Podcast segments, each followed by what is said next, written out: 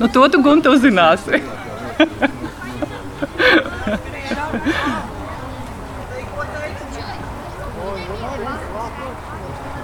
Mēs sākam. Jā, jūs dzirdat mūs, jā? Iesāksim šo katehēzi ar Tev klusi skan. lūkšanu. Jā, tu. Nu, esi tu? Es tā pieradis. Dieva tēva, dēla, svētā gara vārdā. Amen. Nāc svētais gars mūsu vidū, atver mūsu sirdis un prātu. Dari mūsu sirdis kā aulīgu zemi, kurā tavs vārds iekrīt kā sēkla, un tā spēto augt un nest augļus. Gods lai ir tēvam un dēlam un svētajam garam. Kā tas no iesākuma ir bijis, tā tagad un vienmēr, un mūžīgi mūžos. Amen. Nu tā, tad, tagad mums ir ļoti daudz jaunpienācēji. Tad būs pareizāk, ja mēs stādīsimies priekšā, kas mēs esam. Es tad, tie, kuri mani vēl nepazīst, es esmu Aija. Un es esmu Gatis. Mēs esam no Siguldas un no Siguldas katoļu draugas. Mēs esam laulāti jau 21 gadu. Jā, mums ir trīs bērni, un bērni jau ir lieli. Tāpēc tā varam blandīties apkārt. Jā, un gatavojoties šai katehēzē, patiesībā mēs negatavojāmies, tāpēc ka ļāvāmies improvizācijai. Ziniet, tad, kad Dievs aicina, Viņš ne, nevienmēr pasaka, ar ko tas beigsies. Mums jābūt gataviem ļauties Dieva vadībai. Un uh, tā mēs arī šodien ļausimies Dieva vadībai, jo tas, ko jūs iepriekšējās katehēzēs dzirdējāt, ir uh, pārdomu vērts vēl un vēl.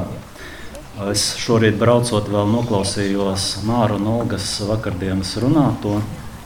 Un, uh, mēs šodien turpināsim, turpināsim par aicinājumu tādu uh, nākamo nu, šaurāko to apskatu un runāsim par aicinājumu uz laulību konkrētāk. Un, es aicinātu šodien jūs visus paskatīties uz mums.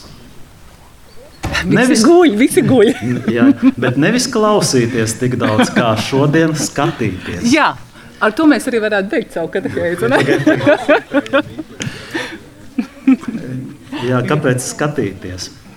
Jo klausoties, mēs bieži vien nu, dzirdam gudras lietas, bet cik daudz vēl atceramies no viņiem, īpaši tad, kad esam pēduši pusdienas, kā šobrīd, un tāds miegs nāk. Un tāpēc uh, mēs ļaujam jums gulēt.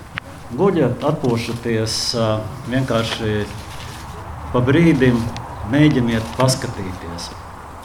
Paskatīties uz mums nevis ar tādu, nu vienkārši mēģināt acis noturēt vaļā, bet ar iekšēju skatienu, ar tādu sirds skatienu. Un tāpēc arī klausītāji, kas par radio klausīsies, arī viņus aicinu paskatīties uz mums, mani un Aiju, ar šo sirds iekšējo skatienu un mēģināt saskatīt Dievu. Vai jums tas izdosies? Es nezinu. Ja neizdosies, mums, protams, ir kur augt. Stipri. Bet šis uh, laulības aicinājums, aicinājums uz laulību, pašos pamatos viņam ir jāatklāj Dievs. Un, ja mēs varbūt tik labi to nes, nevaram mūsos saskatīt, paskatīsimies visi vēl uz Māru un Olgu. Mēģināsim viņos saskatīt Dievu.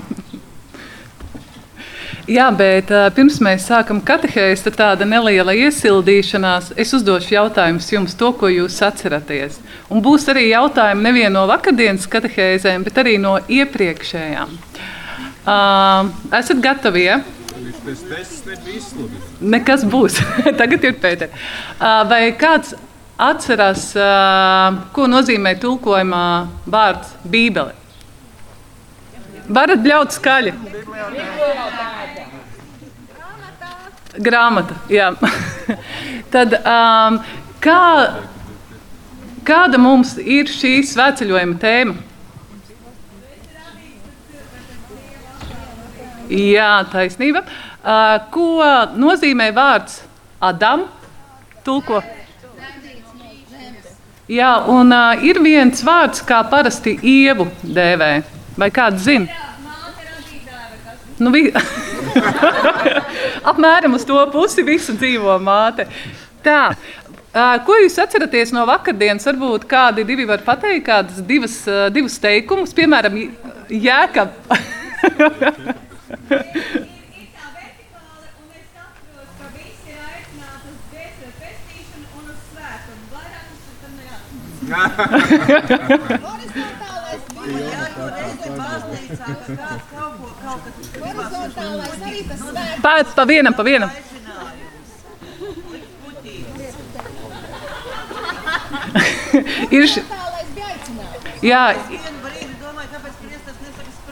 es sāku domāt, ka tas ir mans aicinājums. Jā, tad uh, Mārcis un Olga uh, runāja par šo aicinājumu uz, uz uh, svētumu un arī par tām dāvanām, kas mums uh, katram ir dotas un uh, talantiem. Kādā veidā mēs arī ja, varam izdzīvot to visu. Tā. Labi. Bet tad uh, mēs varētu sākt ar uh, radīšanas stāstu, bet man šķiet, ka tu, Priester, Pēter, to jau stāstīji uh, savā katehēzē par identitāti. Kad uh, sāki par to, ka Dievs rada vīrieti un sievieti, bet uh, jā, vispirms viņš rada pirmo cilvēku, un kad uh, pirmais cilvēks uh, ne dabā, viņš nespēja atrast, nespēja rast. Remdinājumu savai vientulībai un tādām nepiepildītām ilgām. Un, tad Dievs rada otru cilvēku, un, kas ir palīgs, kas ir palīgs Ādamam, nu, jā, kas ir palīgs pirmajam cilvēkam, un šo cilvēku uzlūkojot šo sievieti, uh, Ādama sirds uh, priekā gavilē. Principā mēs šo mirkli arī varam uzskatīt par tādu uh, brīdi, uh, kad uh, vislabāk uh, tiek parādīts un atspoguļojas paša dieva būtība, par ko arī Olga mums stāstīja, kad runāja par trīsvienību, uh, par to, ka Dievs savā sevī ir attiecības. Un uh, cilvēks, tad, kad uh, viņš jau kļūst uh, vīrs un sieva, kad viņi ir kopā, tad viņi sevī kļūst attiecības. Jā, bet uh, pirms par to mēs arī tālāk runājam, tad uh, es vēl uh, gribētu uzsvērt šo lietu, kad šajā tikšanās brīdī, jā, patiesībā šajās attiecībās tiek dziedēta Ādama vientulība. Un ar to sākas uh, dzīvības tālāk nodošana un uh, ģimene. Un, principā, no šī stāsta arī mēs redzam šo ģimenes aicinājumu, jeb laulāto aicinājumu. Un šis aicinājums arī ir krusta veidā, kā mums Mārcis Rolda vakar stāstīja. Tātad tas ir aicinājums, kas ietver gan šo vertikālo, gan horizontālo ā, līniju. Ā, Pirmais ā, ir kopīgo labumam. Tātad, ja laulībā mēs piedzīvojam, atbalstot viens otru ceļā pie Dieva, ā, mēģinam augt šajā svētumā tieši laulības ietvaros, laulības sirdī, tuvoties Dievam, kurš tur dzīvo. Starp citu, interesanti var arī pārdomāt šo ņemot par pamatu Avilas Terēzes dvēseles pili, kurš ir ceļojums uz šo iekšējo centrālo mājokli, lai satiktu Dievu. Un, uh, to pašu var attiecināt arī uz uh, laulības dzīvi, ka tas ir tāds kopējs ceļojums, lai satiktu Dievu, kurš mīt laulībā, kurš ir tās laulības centrā, kurš satur šo būtību, jo viņa atspoguļo pašu Dievu. Jā, bet runājot vēl par laulību, par aicinājumu uz laulību, tās nu, noteikti nav tikai skaista ceremonija, baznīcā, tie nav skaisti ziedi. Tas viss, protams, piederās līgavas tērps un līgavaņa uzvalks un mūzika, tas viss, bet tas ir sakraments, un, uh, kas notiek baznīcā, un šīs ģimenes arī ir vienas no tām, kas arī veido baznīcu. Patiesībā man šķiet, ka laulība ir aicinājums uz laulību, šī vienotība starp vīrieti un sievieti, tas ir viens no tādiem arhaiskākajiem aicinājumiem. Tas pats pirmais ir, ko Olga stāstīja par šīm attiecībām ar trīsvienību. Kad uh, katrs, un patiesībā arī es reizēm laulībā, kaut man blakus ir lielisks vīrs, arī es reizēm laulībā jūtos uh, vientuļa.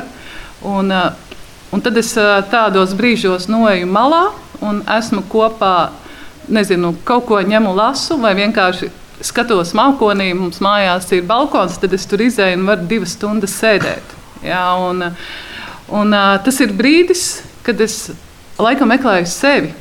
Un es šīs atbildes tiešām meklēju sarunā ar Dievu. Jā, tā kā es gribu pateikt arī to, ka šis pirmais mūsu aicinājums ir veidot šīs attiecības ar Dievu, ar trīsvienību, kurš ir katrā no mums. Un pēc tam ir šis ten, otrais aicinājums vai, uz laulību. Aija tikko arī pieminēja par šo, ka ģimene, jeb laulātie ir tik cieši saistīti ar šo baznīcu. Mums pagājušajā gadā vienkārši uzreiz atcerējos, mums pagājušajā gadā no Siguldas, kad gājām sveceļojumā, mums bija tēna ģimene, baznīca, kas piedzimst ģimenē, un ģimene, kas izaug baznīcā. Un, tas baznīca un ģimene ir tik ļoti saistīts laulāto ar laulību.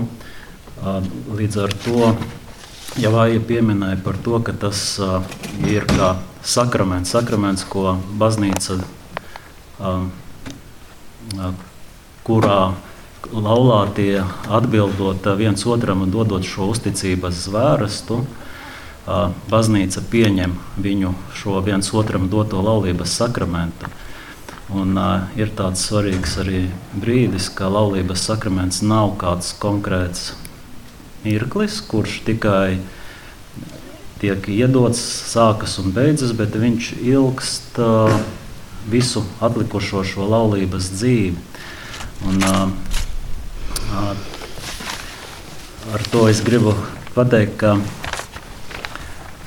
um, laulības sakraments, viņu saņemot baznīcā, tas tiek izdzīvots, audzēts un pieaug uh, visā mūsu laulības dzīves uh, laikā. Uh,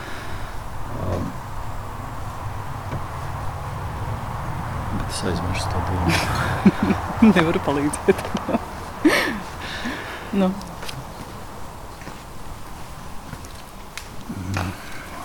Labi, pie tās domas vēl atgriezīšos vēlāk, izskrēja no galvas. Um, bet turpinot uh, to, ka laulības aicinājums tiek īpašā veidā izcelts caur šo sakramentu, jo sakraments, mēs zinām, pēc definīcijas ir uh, redzama zīme. Un līdz ar to laulība, saņemot šo sakramentu, viņa kļūst redzama zīme, un kam neredzamai dieva darbībai. Un, ja jūs skatāties uz mums, kurus sākumā lūdzu un aicināju ieraudzīt Dievu mūsu kopībā, un ja viņš netiek saskatīts, tad mēs līdz galam vēl nespējam varbūt atspoguļot to, bet tā laulības sakramentam tās būtībā ir jābūt šai redzamai zīmei. Un šī redzamā zīme izpaužas mums arī šajā sociālajā dimensijā. Jā, bet. Uh... Sociālā dimensija tas ir, ka katra persona tās dziļumā ir aicināta dzīvot komunijā ar citiem un dot sevi citiem. Un šeit ir tas būtiskais aspekts - komunija. Cilvēks nav radīts, lai būtu viens. Un neviens aicinājums nav aicināts, lai cilvēks noslēgtos un paliktu viens.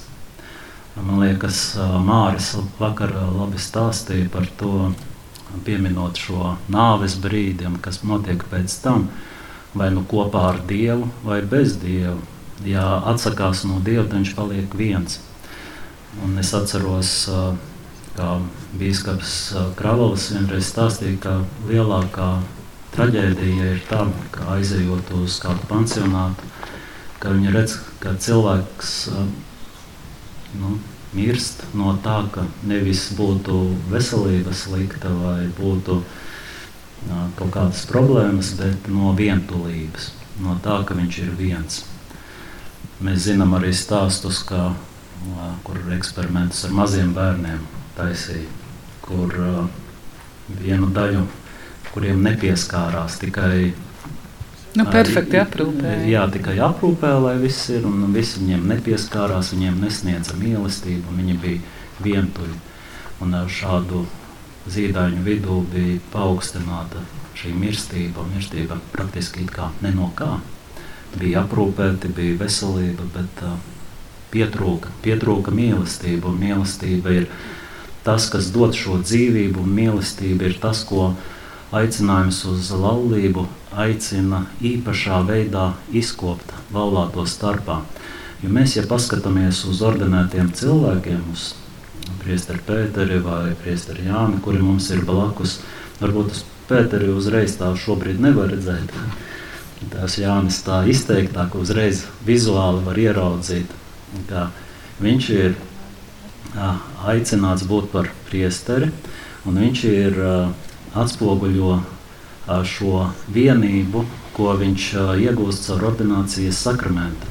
No sākuma tīri vizuāli redzams, un pēc tam jau, protams, šo darba, ja tā varētu teikt, īpatnības dēļ, pēc sprediķiem, pēc tās rīcības viņš arī izpauž šo savu aicinājumu. Bet skatoties uz laulāto pāri, uzreiz nevar ieraudzīt Mēs parasti neskatāmies, domājam, laulātais pāris ir tāds, kuri pasaulē dzīvo, ka viņi ir tikai uh, savās problēmās, tur bērnu audzināšanā, savstarpējos kašķos un ķīviņos.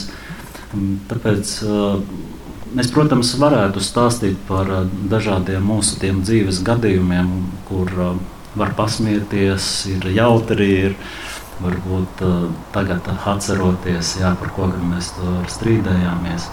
Bet šodien tomēr aicinu jau no paša sākuma paskatīties dziļāk un mēģināt ieraudzīt šajā laulāto starpā to, ka tas ir īpašs atsevišķs aicinājums, kas īpašā veidā parāda Dievu, ko varbūt grūtāk ir ieskat, ieraudzīt uzreiz. Bet viņš tur pastāv, viņš tur ir. Un tāpēc uh, bieži vien uh, ir tāds arī uzskats, ka nu, tādu svētāku dzīvi mēs varam iegūt tikai caur pilnīgu veltīšanos uh, Dievam, aizejot no tādām pasaulīgām lietām projām. Tomēr mēs zinām, ka ir daudzas ģimenes arī, kas ir pasludinātas kā svētas, jo viņu dzīvē Dievs ir atklājies šajā īpašā veidā, to, ka viņi ir mācījuši parādīt, ka Dievs ir laulības centrā, ka viņi nevis uh, vienkārši legāli dzīvo kopā, lai tā kā sabiedrības acīs būtu atzīti kā nu, vīrs un sieva, ka nu, lai tur neietu pa kreisi vai tur cits tur aci nemestu virsmu.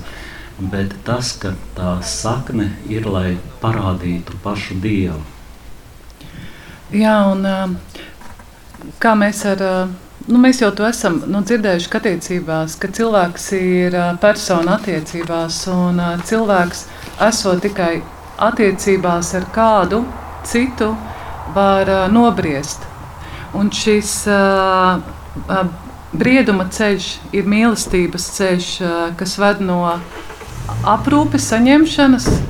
Ka, Tas ir brīdis, kad kāds par tevi rūpējās, līdz brīdim, kad tu pats spēj rūpēties par kādu citu, un arī, kad tu spēj dot dzīvību. Un, un šeit es domāju, dot dzīvību laulībā vien nenozīmē radīt bērnus, ja, bet dot dzīvību apkārtējiem cilvēkiem un arī uzņemties šīs rūpes un atbildību par apkārtējiem cilvēkiem.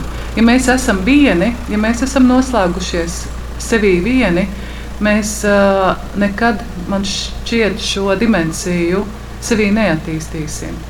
Tā veidojās tikai kontaktā ar uh, citiem cilvēkiem. Šī aprūpe un atbildība un uh, ģimenē, jo sevišķi ar to saskarās, ja, un, uh, Un es negribu teikt, ka mēs ar Gati bijām tur super vecāki. Jā, nu, kad uh, mums piedzima pirmā meita, jā, nu, mēs tāpat mācījāmies. Jā. Bija mazs cilvēciņš, par ko mums bija jāuzņemās rūpes, jā, un uh, bija jāpabaro, bija jāapģērbj. Un, uh, tad otrs un trešais, un mēs patiesībā pieaugām kopā ar saviem bērniem. Jā. Un tie ir, protams, strīdi. Es atceros, bija viens gadījums, tas parāda atkal to, cik mēs esam dažādi. Kad mūsu vecākajai meitai bija 4, 5 gadi, mēs bijām Vācijā vienā nometnē, Baucenē, tādā ģimeņu.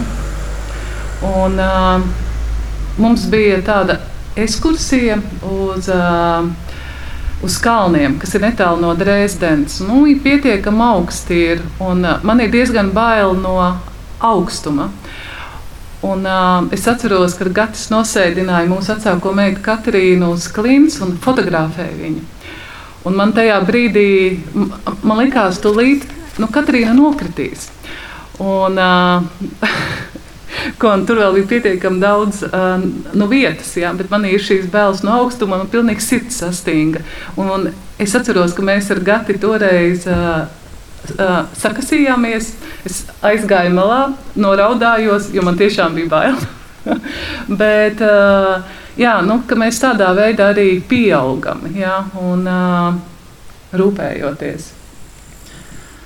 Un pieaugam arī mācoties saprast viens otru ja mēs skatāmies no šī radīšanas mirkļa, tātad jau no paša dieva mēs varam vilkt tādu līniju līdz uh, mūsu laulībai, mums līdz katram pašam sevis. Respektīvi, Dievs sevī ir attiecības, personu attiecības, tālāk uh, cilvēks, cilvēks ir attiecībās ar Dievu, pēc tam cilvēks ir attiecībā viens ar otru, un cilvēkam nav labi būt vienam tikko Aija arī runāja par to un atbalsta viens otru. Arī uh, sakamā grāmatā ir šis, uh, šis teiciens, uh,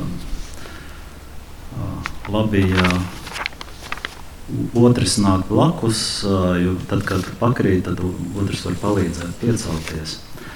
Nu, lūk, un tad, tas tālāk notiek arī šī ticības tālāk nodošana Un, mēs varētu teikt, ka pestījošās dzīvības tālāk nodošana, kas pirmkārt jau ir protams bērniem, bet tajā nav un ne tikai citreiz ir laulībā, kur nav bērnu. Tā ticības tālāk nodošanas funkcija paliek tik un tā šiem laulātajiem. Un, un šī to laulātais pāris izdzīvo dzīvojot kristīgu dzīvi un viņi veido sevi šo mājas baznīcu, mācoties mīlēt, kā Kristus mīlēja baznīcu. Jā, un es tad uh, pieminēšu trīs vārdus, ko Vai. vēl tu kaut ko gribi pateikt? nu, jā, jā, vēl tad mēs līdz tiem trim vārdiem apmēram kā trīs zelta zīltiņas vēlēšanās, bet uh, vēl par misiju, nedaudz uh, laulāto misiju, kas uh, parādās tajā, ka mm, šī misija ir glabāt, atklāt un komunicēt mīlestību. Un tas ir tāds būtisks aspekts no tā, ka mēs caur savu dzīvi pirmkārt mēs glabājam to, ko mēs saņemam. Un tad paši gan priekš sevis atklājam šo mīlestību, savā starpā izdzīvojot un komunicējot, un tālāk viņu arī dodam apkārtējiem cilvēkiem. Jo faktiski ir jāņem vērā tas, ka laulātie tas ir ietekmē vairāk par tikai par ģimeni. Tas nes labumu ne tikai iekšā, ģimenes iekšienē, bet uh, arī visai cilvēces sabiedrībai. Tādā veidā nu, stabilizē šo cieņu un mieru. Un tagad uh, atkal notiek šī pieredzes, kā reklāmas tāds atkāpe, notiek šī parakstu vākšana par uh, ģimenes uh, jēdziena nostiprināšanu satversmē. Uh, ja pirmajā reizē nesavāca pietiekamu skaitu, lai ierosinātu referendumu, mēs joprojām varam no jauna mēģināt atklāt un saprast, ko nozīmē laulība, ko nozīmē ģimene. Varbūt ir vērts parakstīties un ir vērts nostiprināt, lai nerastos domstarpības un sabiedrība, sabiedrību mēs veidotu paši veidot, nevis mums piedāvāt vienkārši kaut kādu modeli, ko varbūt līdz galam nespējam akceptēt, bet tai pašā laikā arī neko nesakām. Jā, bet tad atgriežoties tieši pie nu, mūsu attiecībām, laulībā, attiecībām ar citiem cilvēkiem, gan darbā ar kolēģiem, vai arī skolā jauniešiem esot ir tādi ļoti trīs būtiski vārdi, ko Pāvis Francisks bieži vien piemin savā katehēzēs. Un, man šķiet, ka es pagājušajā gadā nedaudz par to stāstīju, bet man šķiet, manuprāt, tas vēl joprojām nav zaudējis savu aktualitāti. Vai jūs kāds zinat, kas ir šie trīs vārdi? Diezgan daudz ir izskanējuši, tomēr piemin laiku pa laikam. Nu, kurus vārdus parasti mēs mācām bērniem? Nu, paldies! Jā. Nu, labi, un tad vēl divi vārdiņi palikuši. Lūdzu, un vēl kas ir mans tāds uh, arī grēkā krišanas akmens. Vai drīkstu? Vai drīkstu. Ja? Un, tad, vai drīkstu, piedod un paldies. Un šie trīs vārdi, kas ir ļoti būtiski mums nodot tālāk, mums iemācīt savā ģimenēs. Un, katrā ziņā tās nav cilvēku vājuma izpausmes, bet no kā ir jāuzmanās, un to arī min Pāvests Francisks, lai šie vārdi nepaliek tukši lai tas nav nu, tās, lai šie vārdi nepaliek tikai kā labas manieres. Ja? Es kaut ko izdaru, es pasaku paldies, es uh, kaut ko izdaru, pasaku atvaino, bet uh, tas viss tiek teikts ar tādu sausumu un neie, neieinteresētību par otru cilvēku, lai tas nepaliek par formālismu. Jo man liekas, ka ļoti būtiski ir saskatīt. Un, jā, šie vārdi katrā ziņā paceļ otra cilvēka cieņu, parāda otram cilvēkam, tu esi vērtīgs. Bet uh, tu to vari izdarīt noteikti. Tam būs daudz lielāks iespējas, ja tu to pateiksi um, um, mīlestībā otram cilvēkam. Un, uh, katrā ziņā nav tā, ka mēs uh, arī kad es nu, mūsu attiecībās ar Gati, jā, kad nu, ģimenē, kad nu, mēs vienmēr laulībā sakam šos vārdus jā, viens otram, vai paldies, vai piedod, vai drīkstu. Tev otrs cilvēks liekas pats par sevi saprotams. Jā, un, un tu pat varbūt vairāk nedomā, vai tu viņu aizskar vai neaizskar, jo šķiet, ka viņš tev, nu, tu esi ar viņu laulāts, viņš kaut kādā veidā tev pieder, ja? viņš tev piedos. Un es zinu to, ja mēs kādu mīlam, mēs tam cilvēkam varam ļoti daudz piedot. Ir grūtāk piedot tiem cilvēkiem, kuri mums nav sirdī tuvu. To noteikti zinās vecāki, kuri ir gatavi piedot un piedot savu bērnu pārkāpumus. Bet, protams, droši vien arī līdz. Nē, nu, savā ziņā tā ir tāda beznosacījuma mīlestība. Jā, tad par šiem vārdiem. Tad pāvests Francisks min šo pirmo vārdu, vai drīkstu. Un, un tas arī attiecās arī ģimenē. Tas, kā jau teicu, man ir kaut kādas lietas, kas man liekas pašai pa sevi saprotamas. Tā kā man ļoti garšo kafiju no rīta, jā, tad uh, padzērt. Tad es vienmēr uztaisu lielu kafijas krūzi, izdzeru to. Un tad, uh, tad uh, ir kāds, un Gatis sev atkal kafiju vāru vienmēr bišķiņ vēlāk. Un tā kā mana krūze ir tukša, un tad es vienmēr ieraugu uz galda gaf, uh, uh, uh, gata kafijas krūzi, un es zinu, ka viņš taisa garšīgu kafiju. es viņam neprasu, vai es drīkstu paņemt tavu kafiju un padzerties. Es vienkārši paņemu un padzeros. Ja? Nu, tā ir tāda varbūt nu, privilēģija, bet katrā ziņā. Domājot par šo katehēzi, par šiem vārdiem, vai drīkstu, ja? es gan nezinu, vai es uh, labošos, bet man tas, nu, likās, nu, man tas uh, likā izdomāties ja? par arī par to, ko es nodaru uh, Gatim, ja, nerespektējot uh, nu, saka, viņa vēlmes, viņa gribu. Un, uh, man ļoti patika, kad uh, Pāvests Francisks ilustrēja ar Jēzus uh, vārdiem, kas minēti atklāsmes grāmatā. Redzi, es stāvu pie durvīm un klauvēju. Ja kāds dzird manu balsi un atver man durvis, es eh, nākšu pie viņa, un es ar viņu pusdienošu, un viņš ar mani. Un kā Pāvils Francisks min, pat uh, kungs lūdz atļauju iet. Un ir tāda šo bildi, es varbūt tagad uh, nedaudz novirzīšos, alfā vienmēr ar tādu skaistu bildi, uh, kur ir Jēzus, uh, viņš stāv pie durvīm, un durvīm nav rokturis, bet tas uh, rokturis durvīm ir iekšpusē.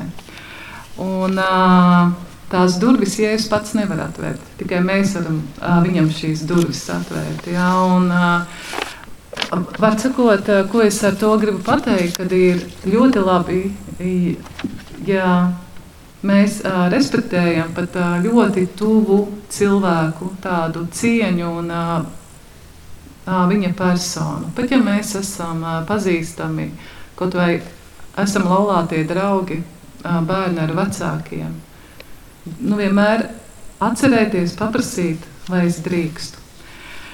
Un tad šis otrs uh, vārds ir paldies. Un katrā ziņā pateikt paldies, uh, tā nav vājības izpausme, bet uh, drīzāk tu parādi savu labestību otram cilvēkam par to, ko viņš tev ir nu, nu, tavā labā ir izdarījis.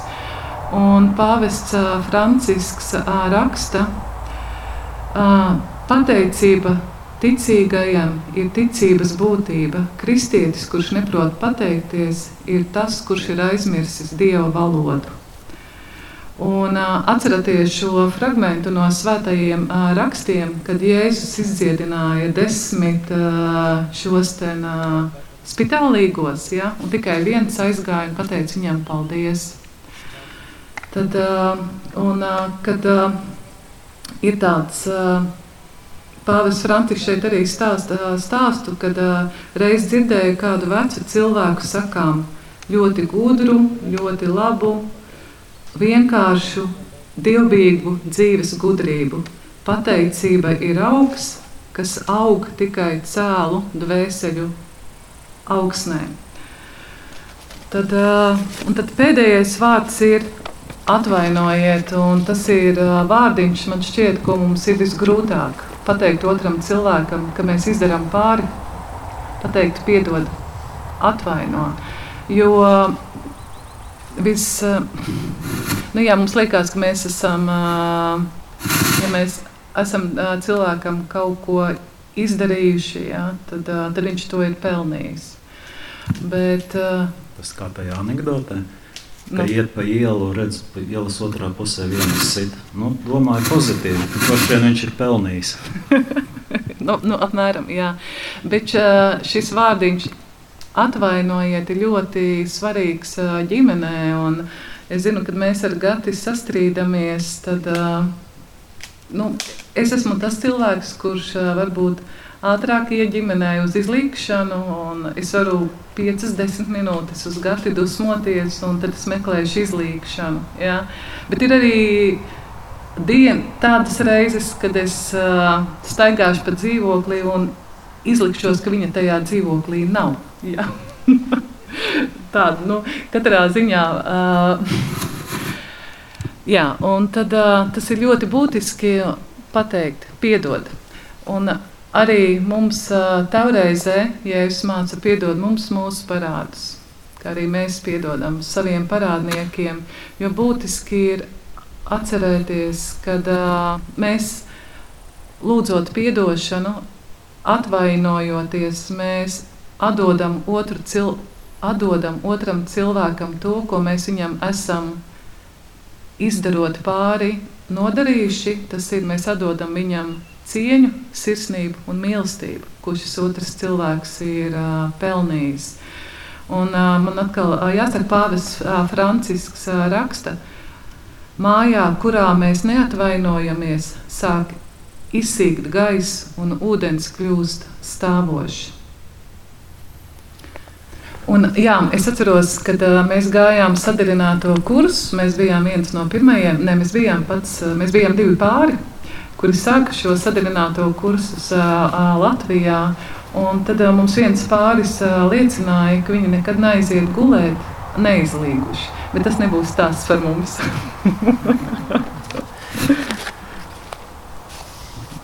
Tātad šodien mēs šajā katehēzē centāmies parādīt šo aicinājumu krustu, ko Māris un Olga vakar stāstīja. Tas man kā ies, iesviedies atmiņā ir tātad to, ka mēs, kas esam radīti pēc Dieva attēla un līdzības, ka tas parādās šis dieva attēls arī laulības aicinājumā, un viņu var saskatīt tajā, ieskatoties.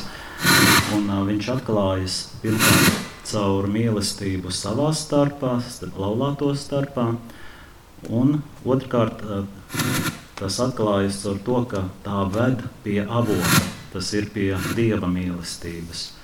Un tā ir, tā ir reālā līdzdalība tajā mīlestībā, ar kuru Dievs mīl cilvēci un kuru Kristus mīl baznīcu. Tāpēc arī um, apustulis Pāvils uh, runā par laulību kā noslēpumu, uh, kuru pielīdzina Kristus un, un baznīcas laulībai. Jā, un tad, kad, nu, kamēr gads runāja, es atcerējos to Es atcerējos stāstu par grēkā krišanu, un kad ar šo grēkā krišanu tika sarauts arī šīs saites starp vīrieti un sievieti. Un, tad, tas ir Jēzus Kristus, kad viņš ir klātesošs laulības sakramentā.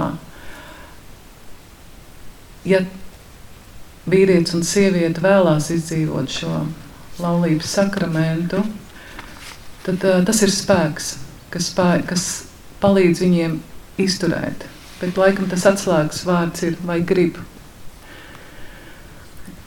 Jo svarīgākais tas, ka to mīlestību arī laulāties meļas dievā, vispirms vertikālajās attiecībās, un tikai tad var šo mīlestību nest tālāk cilvēkiem, jo arī laulātie neražo paši savu mīlestību. Jā, to es esmu sapratusi. Jā, jo uh, ir uh, lietas, ko es gaidu no sava lieliskā vīra. Un, uh, un vienalga es saprotu, ka cilvēks ir cilvēks. Un uh, cilvēks nav baterija, kas ražo mīlestību. Šī baterija, kas ražo mīlestību, ir Dievs. Un uh, bez Dieva ir ļoti grūti.